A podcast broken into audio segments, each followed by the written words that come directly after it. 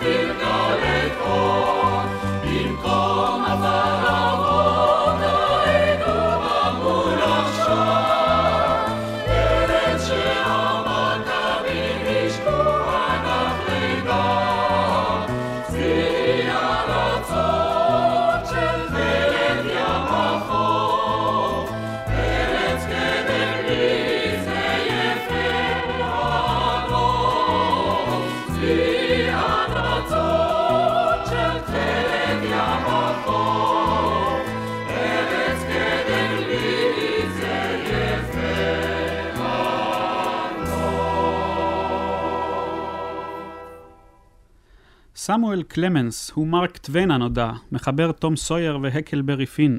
ביקר בארץ ישראל בשנת 1867, ובעינו החדה ועטו המצליף הוא מגיש לנו תיאור נוקב של הארץ שלוש שנים לפני ייסוד מקווה ישראל. מבין כל הארצות המכוערות שבעולם, אומר מרק טוויין, ארץ ישראל היא האלופה. ההרים חשופים, הגבעות קרחות, העמקים הם ישימון כעור ודל צמחייה. זוהי ארץ חרבה ומקוללת. יריחו נשארה תל הריסות כפי שהשאיר אותה יהושע בן נון. נצרת היא עיר נידחת, ירושלים עלובה וקודרת, שורצת מצורעים, נחים וחובבי בקשיש נצחיים, ותושביה בלויי סחבות ומצחינים, עמוסים בזבובים ופרעושים, והבעת פנים מטומטמת. אבל בסמוך לאותה תקופה יושב בגולה מנחם מנדל דוליצקי, ומתרפק על ציון חמדתי, ציון יפתי. ויהודה לייב לנדה שר על ארץ השקדים היפהפייה. מנדלקרן מזמר על ארץ השפנים והגנים, שבה נשב שאננים בטירות וארמונים. ואילו אהרון ליבושיצקי מפיץ זמר חדש על ארץ מולדת, ארץ נחמדת. כפינו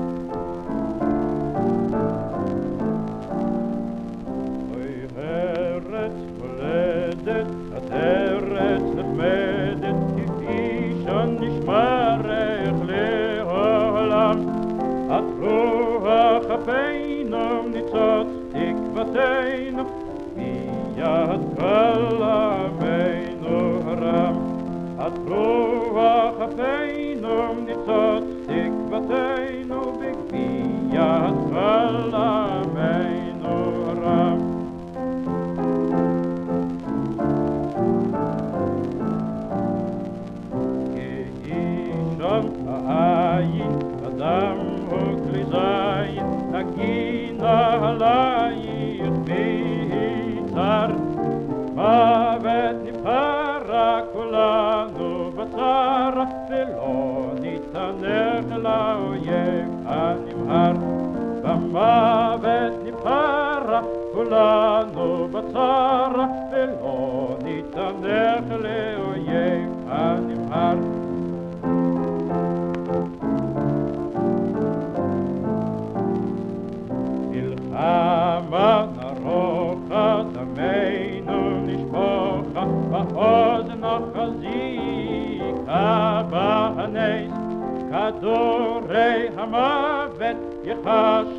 כאפס הדגל יעזור רק המת כדורי המוות יחשבו כאפס הדגל יעזור רק המת ארץ חמדת אבות הייתה ארץ מבולבלת. כל סוגי המטבעות הילכו בה. המטליק, הבישליק, המג'ידי והפרה הטורקיים, הקופיקות והרובלים הרוסיים, הפרנקים הצרפתים, הגולדנים האוסטרים, השילינג האנגלי, הרופיה ההודית, מרק זהב, נפוליאון זהב ודינר זהב, הנקרא דוקת. אין שטרי נייר בארץ, רק מצלצלים. לכל מטבע יש ערך אחד בירושלים וערך אחר ביפו. לפחות שש ארצות מנהלות כאן פוסטה משלהן, ואתה יכול לבחור לך עם מי לשלוח מכתבים. יש פוסטה רוסית ופוסטה אוסטרית, יש גרמנית ויש טורקית, יש צרפתית ואחר כך גם איטלקית. גן עדן לבולאים. לכל פוסטה יש דיליז'אנס, או מהדואר, כפי שנקרא אז. מכתב הנשלח מירושלים יגיע ליפו למחרת היום, ממש כמו היום. כל המשקלות והמידות קיימים בארץ. הדירהם, או האדרקמון, הוא שלושה גרם. העקה שווה ל-400 אדר כמונים. האוקייה היא 18 ושלושת רבעי הלוט, והרוטל הוא 12 אוקיות, או 6 פונט, או 7 ליטרות. 100 רוטל הם קנטר אחד, או 15 פוד. תמניה אחת שווה לארבע שאות, וקל הוא ארבעה תמניות. את האריגים מודדים באמות. האמה היא 68 סנטימטרים, אבל אמת הבניין היא 75 סנטימטרים, ואמת הבניין החדשה היא 76 סנטימטרים. 1,600 אמות מרובעות הם דונם, 11 דונם הם הקטר, ודיסטין הוא 12 דונם פחות שתי תשיעיות. על מערבולת המידות, המשקלות והמטבעות מתווספת מערבולת לשונית. תושבי ראש פינה וזיכרון שואלים צ'פאצ'ה, ובראשון לציון, טיפונימה רוסקה. בפתח תקווה מבקשים לוז מחופ, ובשכונות ירושלים, קומוסטה סניור גאון. וכמו השפה המדוברת, כך גם הזמר. בליל של זרמים וסגנונות. נוח שפירא, פועל יהודי בזיכרון יעקב, שומע רואה ערבי מזמר, ואין איש יודע היום, אם היה זה השיר יא חלילי יא מלילי, שהוקדש אחר כך לחוואג'ה מוסה סמילנסקי, או שזה השיר יא היללי יא מלי. הוא הופך את הפזמון ל"יא חיילילי, העמלי". מוסיף ללחן הערבי תערובת של מעט יידישקייט, עם הרבה קצב אוקראיני וניחוח חסידי, ומהעיסה הזאת יוצא שיר עבודה חדש.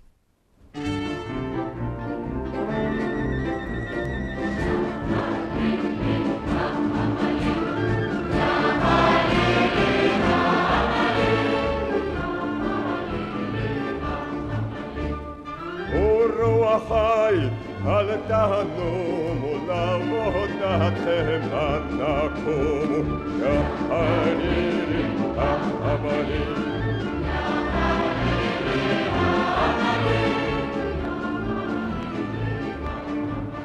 Aramo me da la vota voda riusciru be contoda ya hariri ahamari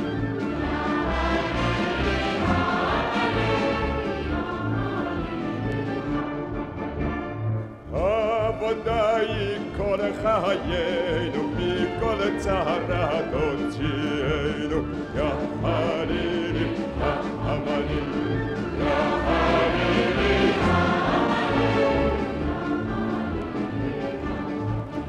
מטל שמיים ומכל מג, לחם לאכול וללבוש בגד, יא חלילי, יא חלילי, יא חלילי.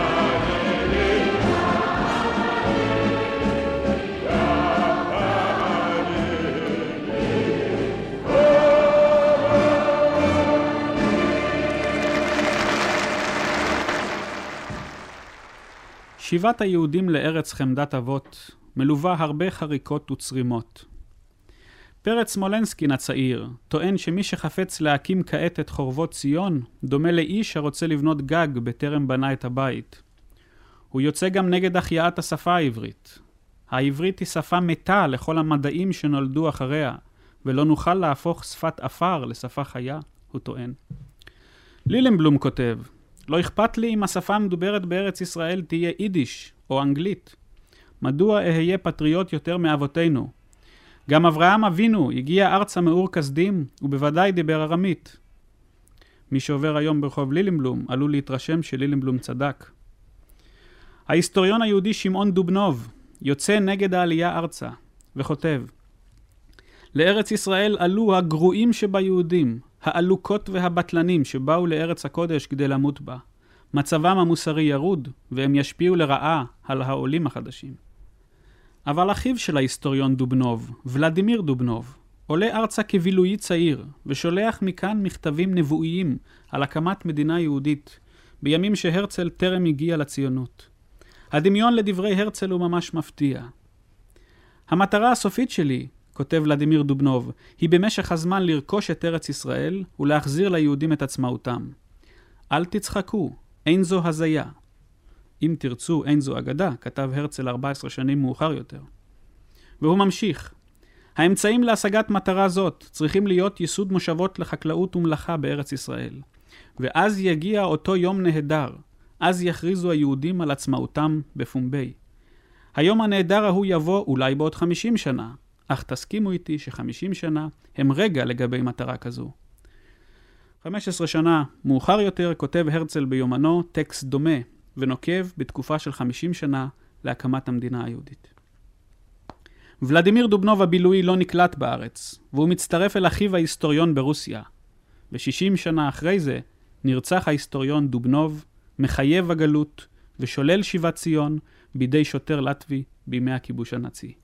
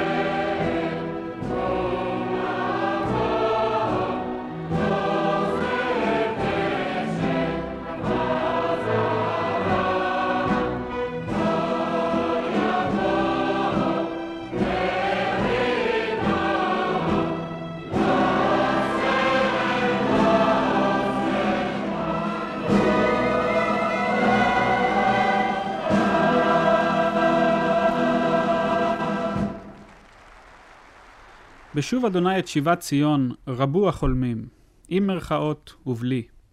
שכחנו כבר שסוקולוב הצעיר כתב אז, שאפילו אחרי אלפיים שנות תלאות וצרות, אין אנחנו צריכים לברוח מאירופה, אלא תעודתנו היא לשבת בין הגויים. היהודים אינם צריכים להיפרד כחטיבה מיוחדת בעולם, הוא כותב לעורך עיתונו. ואתה, גורדון, עזוב את הדרך המובילה לכנען. לבנדה, שפר ויהלל, על שמות כולם קרויים היום רחובות בתל אביב. מפצירים ביהודים להתיישב באמריקה ולא בפלסטינה. ובכלל צצות תוכניות להקמת מדינה יהודית מחוץ לגבולות הארץ. הברון הירש מתחיל ליישב את היהודים בארגנטינה. אדוארד גלזר מגיש תוכנית ליישב את היהודים בחצי האי ערב. וחיים גדליה מציע להחזיר את היהודים לספרד. הוא מתקשר עם אלפונסו מלך ספרד, וזה מכריז כי גזירת גירוש ספרד בטלה, והוא מוכן לקבל בחזרה את היהודים שיבואו אליו מרוסיה. ג'וזף צ'מברלין, שר המושבות הבריטי, מציע להרצל את אל-עריש, ומשלחת מיוחדת עורכת שם סקר. אגב, השיר העברי האקספנסיוניסטי, מדן ועד אל-עריש נסול לנו כביש, שזומר אחרי זה בארץ ישראל, לא היה שיר של בית"ר או של ברית הבריונים, כי אם שיר של תנועת השומר הצעיר. אותו ג'וזף צ'מברלין מציע להרצל את מזרח אפריקה ליישוב יהודים, בתוכנית שנקראה אחר כך תוכנית אוגנדה. ובארץ ישב אז אליעזר בן יהודה, לוחם עקשני ליישוב ארץ ישראל, והפך להיות גדול התועמלנים למען אוגנדה. זאת תהיה מדינה יהודית, כתב בעיתונו השקפה, ואנו נוכל להתענג שם על כל הזכויות המדיניות, כמו כל עם החי על אדמתו. סטודנטים יהודים בווינה, שרצו להביע אז את מחאתם נגד תוכנית אוגנדה, הזדרזו וליקטו סדרת מילים אפריקניות ולטיניות, והרכיבו מהן את הצעתם להמנון של המדינה היהודית העתידה לקום באוגנדה. צ'ינגוואי קווינימוני.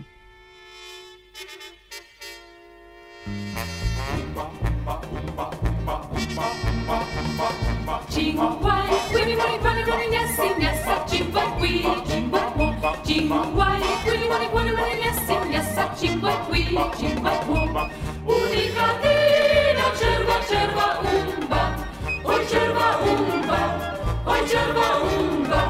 Unica dina cerva cerva umba, oi cerva umba, oi cerva umba, umba, umba. Cinguai, quini moni quani moni nessi nessa cinque qui, cinque quo. Cinguai, quini moni quani moni nessi nessa cinque qui, cinque quo. Unica dina cerva cerva cierba umba, unikatynna cierba, cierba umba, o cierba umba, o cierba umba, umba, um. Inna guana, quini guana, guani guana, chimba, chimba, Inna guana, quini guana, guani guana, lasa, chimba, chimba,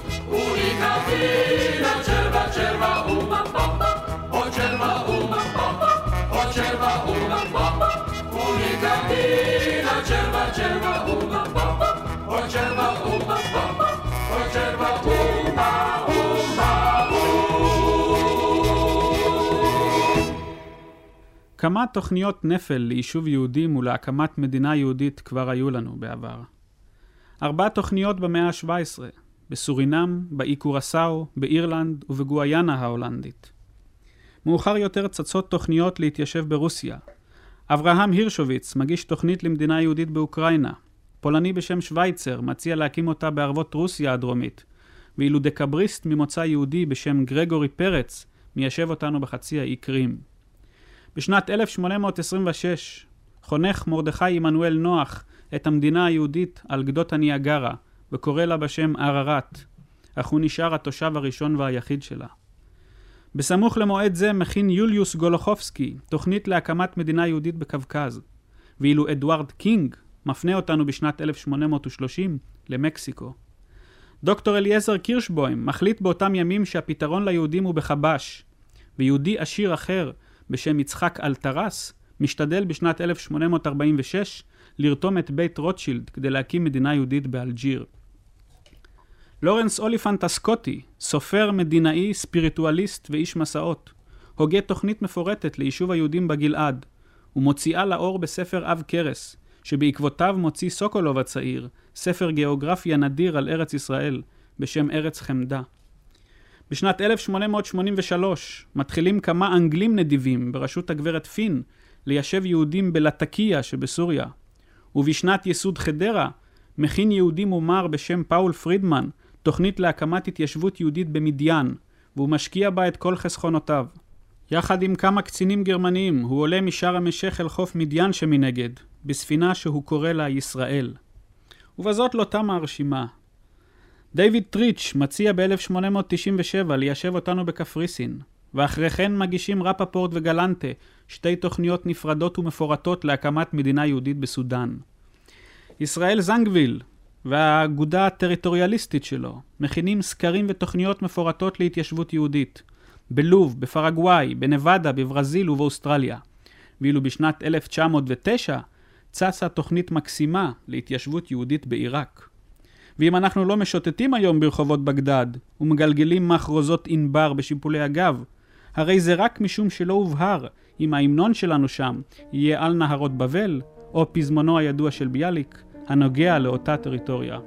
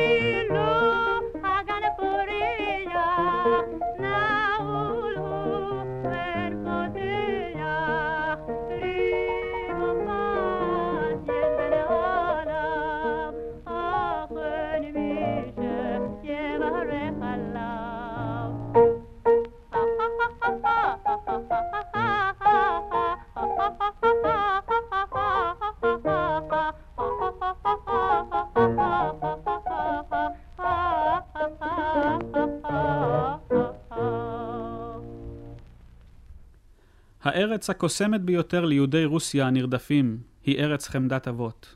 אבל זה רק בעיתונות ובספרות. בפועל קורצת להם אמריקה. ואחד הפספוסים ההיסטוריים הבלתי נסלחים של העם היהודי, הוא שמתוך כשני מיליון יהודים שעזבו את מזרח אירופה בימי העלייה הראשונה, רק 25 אלף נקלטו בארץ ישראל, ואילו מרביתם היגרו לארצות הברית, וצאצאיהם הם תורמי המגבית שלנו.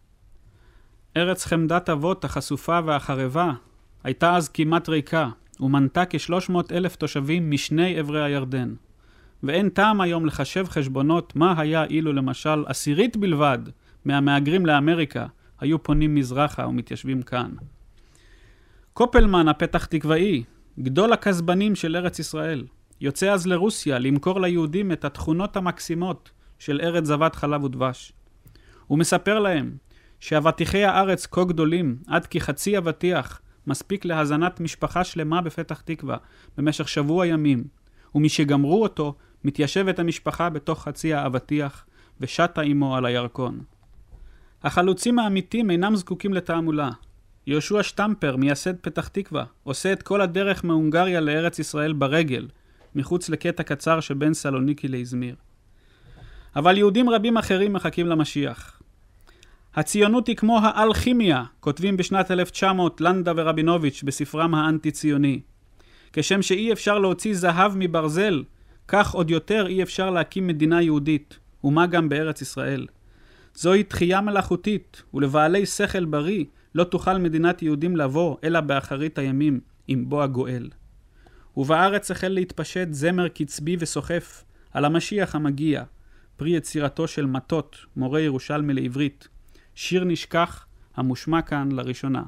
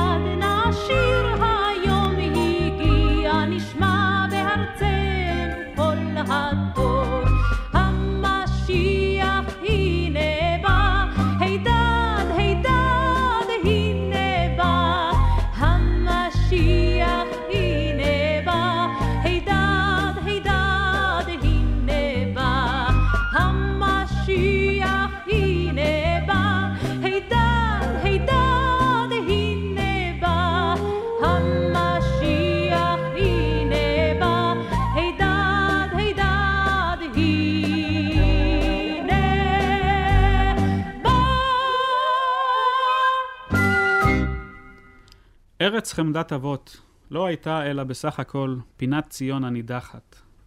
מול התה והאורז בסין, כאן היו חמסין וקדחת. בחושו אחים חושו, מזמין פינס את היהודים לבוא אל הארץ הכרוכה משלטון האזרוע. ארץ של ילילת תנים נוגה, ושם שועלים יש. שלונסקי מסביר אחר כך בשירו וכותב, אנו כולנו ידענו, כיוונו מארץ נושבת אל ארץ נידחת. כי פה ישימון הוא, ולנו נכון הוא רעב וקדחת. ואף על פי כן, האמן נאמין. מרדכי זעירה כותב את שירו הראשון למילותיו של הלל ברגמן, ושפינדל מזמר, יפו חורבות מולדתי, מכל קריה חוגגת. מולדתי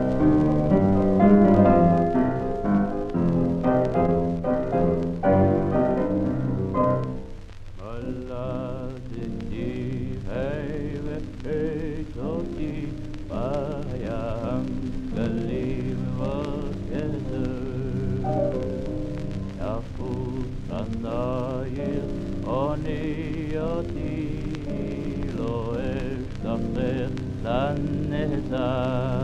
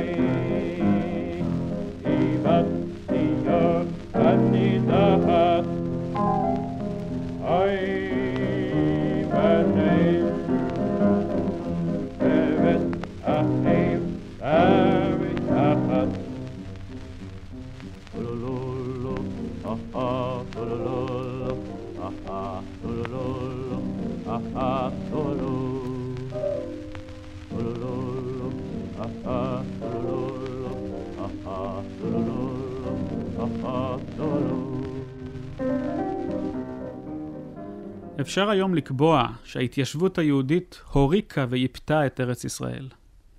מעולם לא היו נופי עמק יזרעאל ועמק הירדן והגליל יפים כפי שהם היום.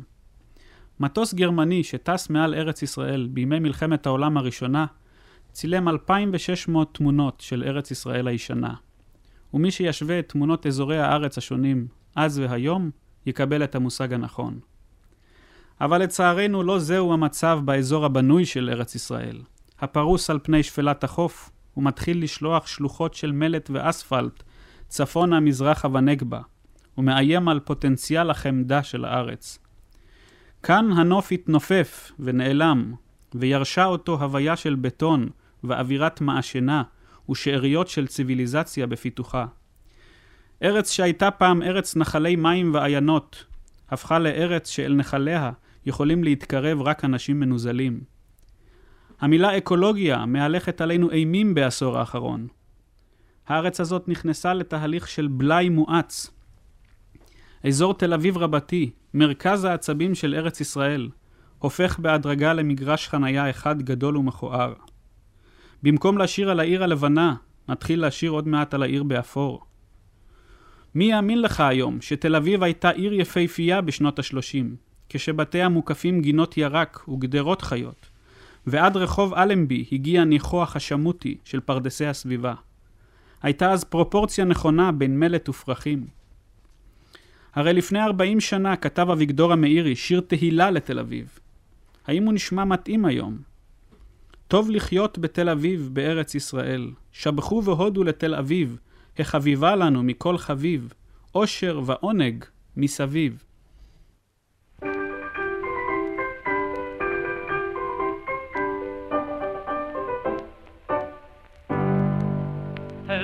תל אביב היא עיר יהודית שכולה ישראל. יהודים בה גם מעשיר וגם הפועל. טוב לחיות בתל אביב בארץ ישראל. טוב לחיות ולחכות לביאת הגואל. שבחו והודו לתל אביב, החביבה לנו מכל חביב, אושר ועונג מסביב.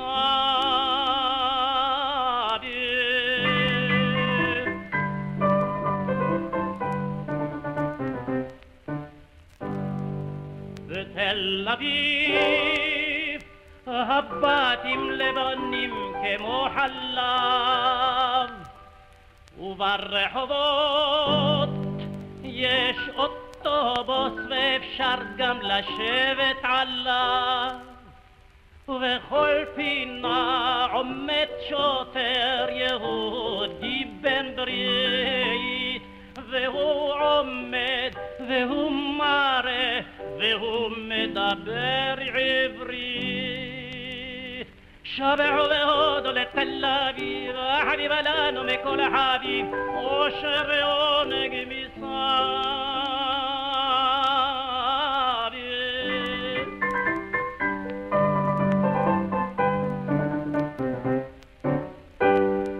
ביום שבת הכל סגור ואין חנות פתוחה ברחובות سمحرسة صندي شبات من نوحا بشبات ذي متذمرين ذي ذكرهم عطون باعر بعرف والخيم لها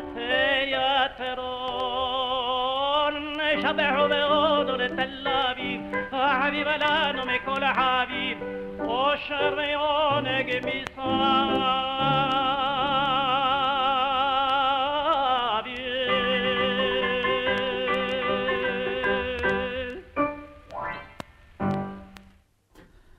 הזמר העברי מלא כוונות טובות, לנטוע ולייפות את ארץ חמדת אבות. אלתרמן כותב, ממורדות הלבנון עד ים המלח, נעבור אותך במחרשות. אנו עוד ניטע לך ונבנה לך, אנו נייפה אותך מאוד. מתי תיפרע ההתחייבות הזאת? מה קורה לארץ הגנים ושבעת המינים? הלא בעבר כל שיר שדיבר על בניין בתים בארץ ישראל, כרך עם זה מיד גם גינון גינות. ובנו בתים וישבו, אמר עמוס, ונטעו גנות כתוב אחרי זה. נלבישך שלמת בטון ומלט, זוהי הפתיחה, אבל ההמשך הוא ונפרוס לך מרבדי גנים. מה עם זה? לפעמים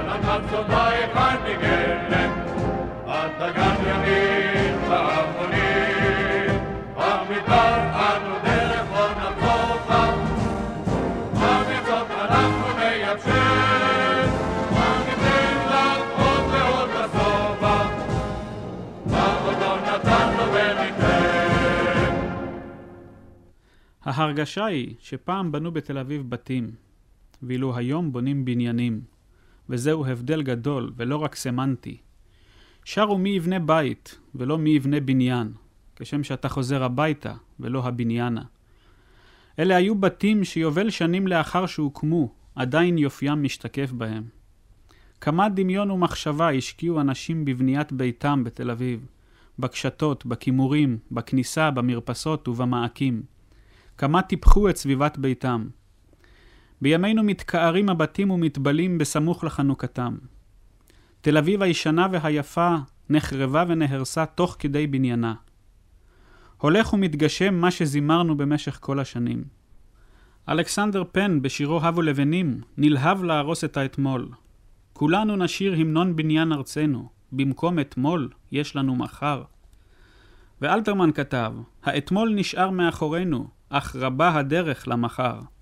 הכל בהשראת האינטרנציונל, לא כלום אתמול, מחר הכל. אך אולי הטיפוסי ביותר לחזון הבטון, הוא שירם המפורסם של יחזקאל סן ויצחק עדל, גלגלי העולם. וכך אומר השיר: המוטורים שורקים ותרועות קטרים מתלכדות להמנון היצירה. דינמיט מיישר גבנוני ההרים, והתמול נהרס תוך שירה.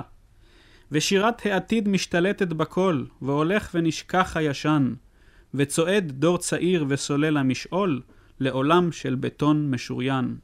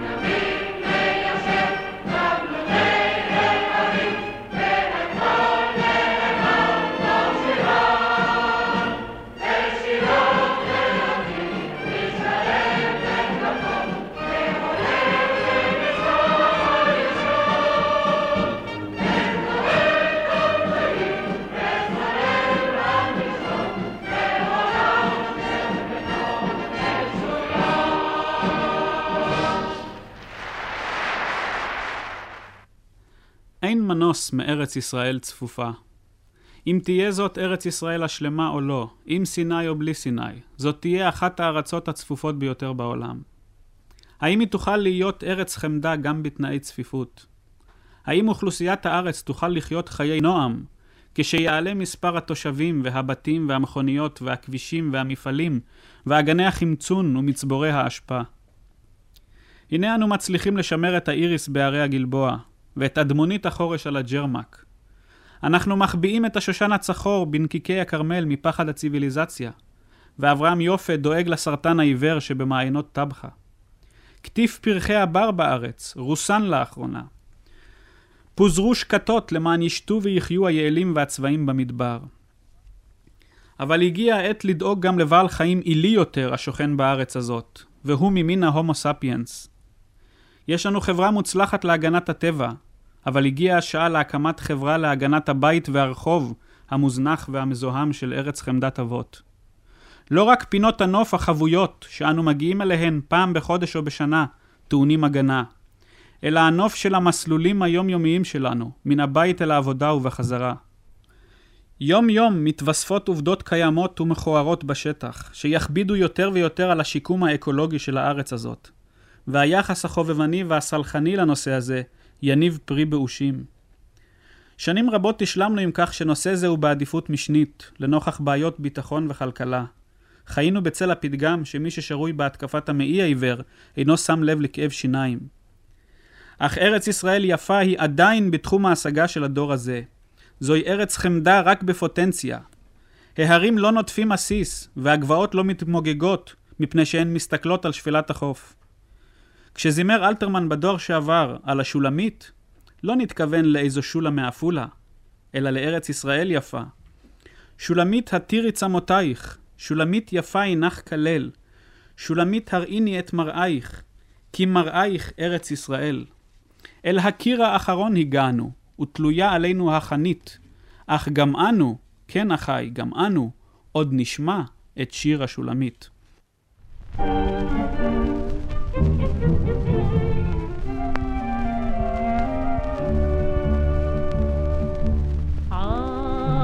עננים שטים על הגלבוע, הברק פורח כחנית, שר שר שרי מגבוה, בואי לשדות השולמית, שולמית, הצילי את אמותייך, שולמית, יפה הנך כליל, שולמית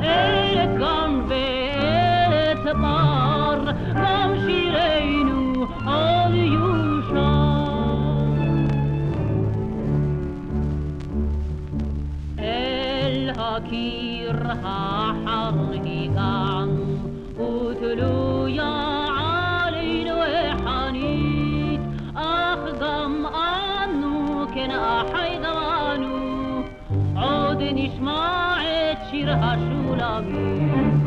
היא תקום חוגגת לעינינו,